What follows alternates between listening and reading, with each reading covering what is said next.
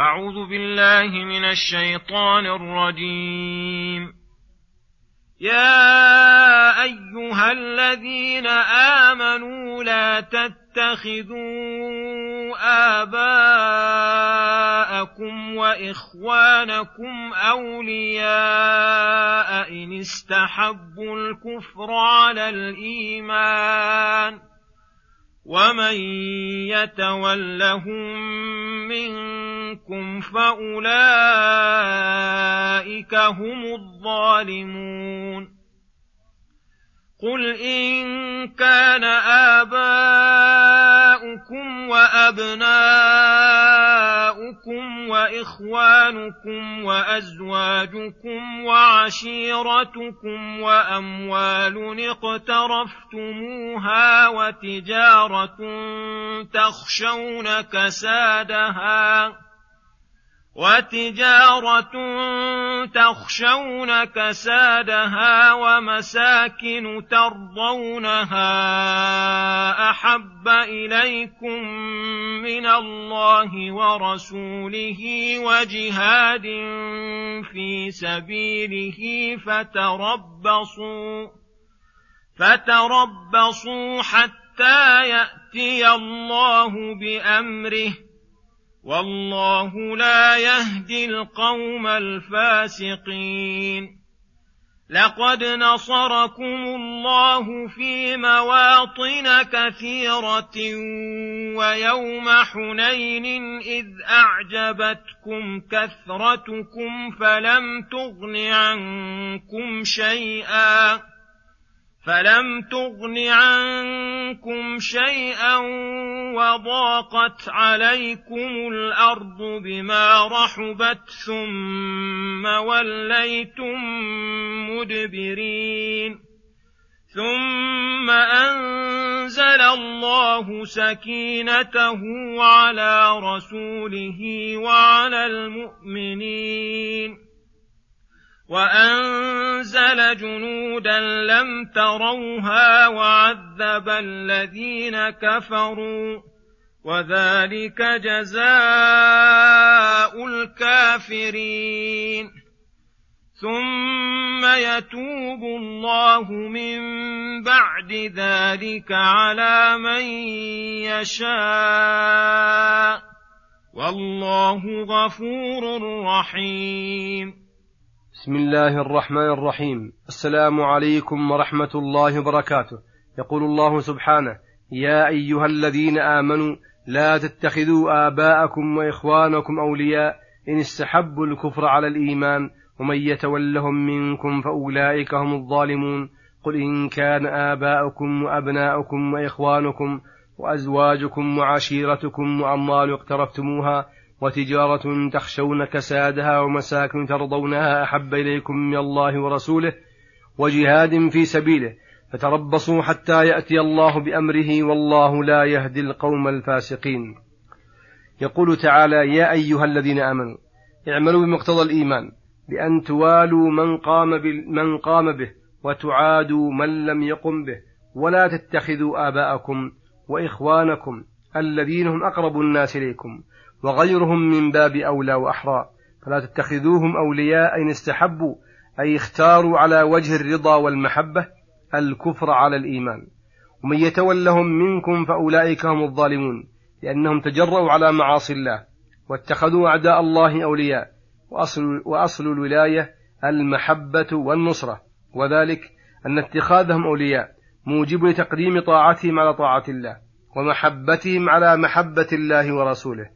ولهذا ذكر السبب الموجب ذلك وهو أن محبة الله ورسوله يتعين تقديمها على محبة كل شيء وجعل جميع الأشياء تابعة لهما فقال قل إن كان آباؤكم ومثلهم الأمهات وأبناؤكم وإخوانكم في النسب والعشيرة وأزواجكم وعشيرتكم أي قراباتكم عموما وأموال اقترفتموها اكتسبتموها وتعبتم في تحصيلها خصها بالذكر لأن أرغب عند أهلها وصاحبها أشد حرصا عليها ممن تأتيه الأموال من غير تعب ولا كد وتجارة تخشون كسادها أي رخصها ونقصها وهذا شامل لجميع أنواع التجارات والمكاسب من عروض التجارات من الأثمان والأواني والأسلحة والأمتعة والحبوب والحروث والأنعام وغير ذلك ومساكن ترضونها من حسنها وزخرفتها وموافقتها لأهوائكم فإن كانت هذه الأشياء حب إليكم من الله ورسوله وجهاد في سبيله فأنتم فسقة ظلمة. فتربصوا أي انتظروا ما يحل بكم من العقاب حتى يأتي الله بأمره الذي لا مرد له. والله لا يهدي القوم الفاسقين أي الخارجين عن طاعة الله المقدمين على محبة الله شيئا من المذكورات. وهذه الآية الكريمة أعظم دليل على وجوب محبة الله ورسوله وعلى تقديمها على محبة كل شيء وعلى الوعيد الشديد والمقت الأكيد على من كان شيء من المذكورات أحب إليه من الله ورسوله وجهاد في سبيله. وعلامة ذلك أنه إذا عرض عليه أمران أحدهما يحبه الله ورسوله وليس لنفسه فيها هوى والآخر تحبه نفسه وتشتهيه ولكنه يفوت عليه محبوبا لله ورسوله أو ينقصه فإنه إن قدم ما تهواه نفسه على ما يحبه الله دل على أنه ظالم تارك لما يجب عليه. ثم يقول سبحانه لقد نصركم الله في مواطن كثيرة ويوم حنين إذا أعجبتكم كثرتكم فلم تغن عنكم شيئا وضاقت عليكم الأرض بما رحبت ثم وليتم مدبرين ثم أنزل الله سكينته على رسوله وعلى المؤمنين وأنزل جنودا لم تروها وعذب الذين كفروا وذلك جزاء الكافرين ثم يتوب الله من بعد ذلك على من يشاء والله غفور رحيم.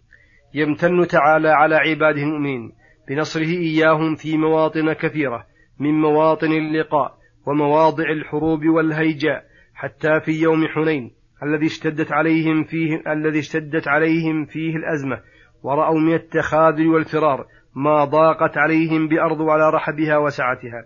وذلك أن النبي صلى الله عليه وسلم لما فتح مكة سمع أن هوازن اجتمعوا لحربه فسار إليهم صلى الله عليه وسلم في أصحابه الذين فتحوا مكة وممن أسلم من الطلقاء أهل مكة فكانوا اثني عشر ألفا والمشركون أربعة آلاف. فأعجب بعض المسلمين بكثرتهم وقال بعضهم لن نغلب اليوم من قلة.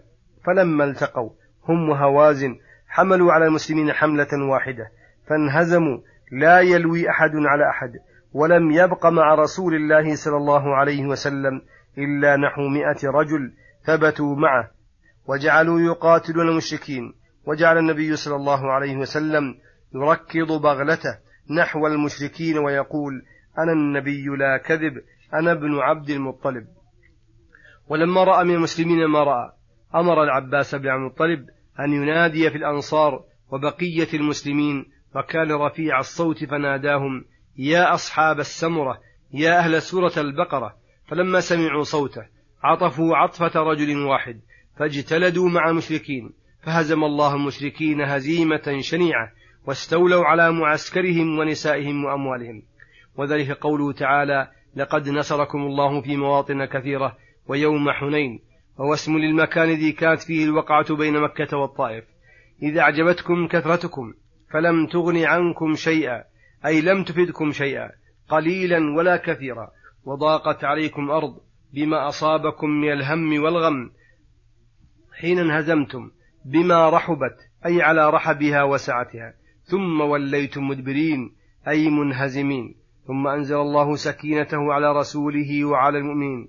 والسكينة ما يجعله الله في القلوب وقت القلاقل والزلازل والمفضعات ما يثبتها ويسكنها ويجعلها مطمئنة وهي من نعم الله العظيمة على العباد. وأنزل جنودا لم تروها وهم الملائكة. أنزلهم الله معونة للمسلمين يوم حنين يثبتونهم ويبشرونهم بالنصر. وعذب الذين كفروا بالهزيمة والقتل واستيلاء المسلمين على نسائهم. وأولادهم وأموالهم. وذلك جزاء الكافرين. يعذبهم الله في الدنيا ثم يردهم في الآخرة إلى عذاب غليظ. ثم يتوب الله من بعد ذلك على من يشاء. فتاب الله على كثير ممن كانت الوقعة عليهم. وأتوا إلى النبي صلى الله عليه وسلم مسلمين تائبين. رد عليهم نساءهم وأولادهم. والله غفور رحيم. أي ذو مغفرة واسعة. ورحمة عامة يعفو عن الذنوب العظيمة التائبين ويرحمهم بتوفيقهم التوبة والطاعة والصفح عن جرائمهم وقبول توباتهم. فلا ييأسن أحد من رحمته ومغفرته ولو فعل من الذنوب والإجرام ما فعل. وصلى الله وسلم على نبينا محمد وعلى آله وصحبه أجمعين. وإلى الحلقة القادمة غدا إن شاء الله. والسلام عليكم ورحمة الله وبركاته.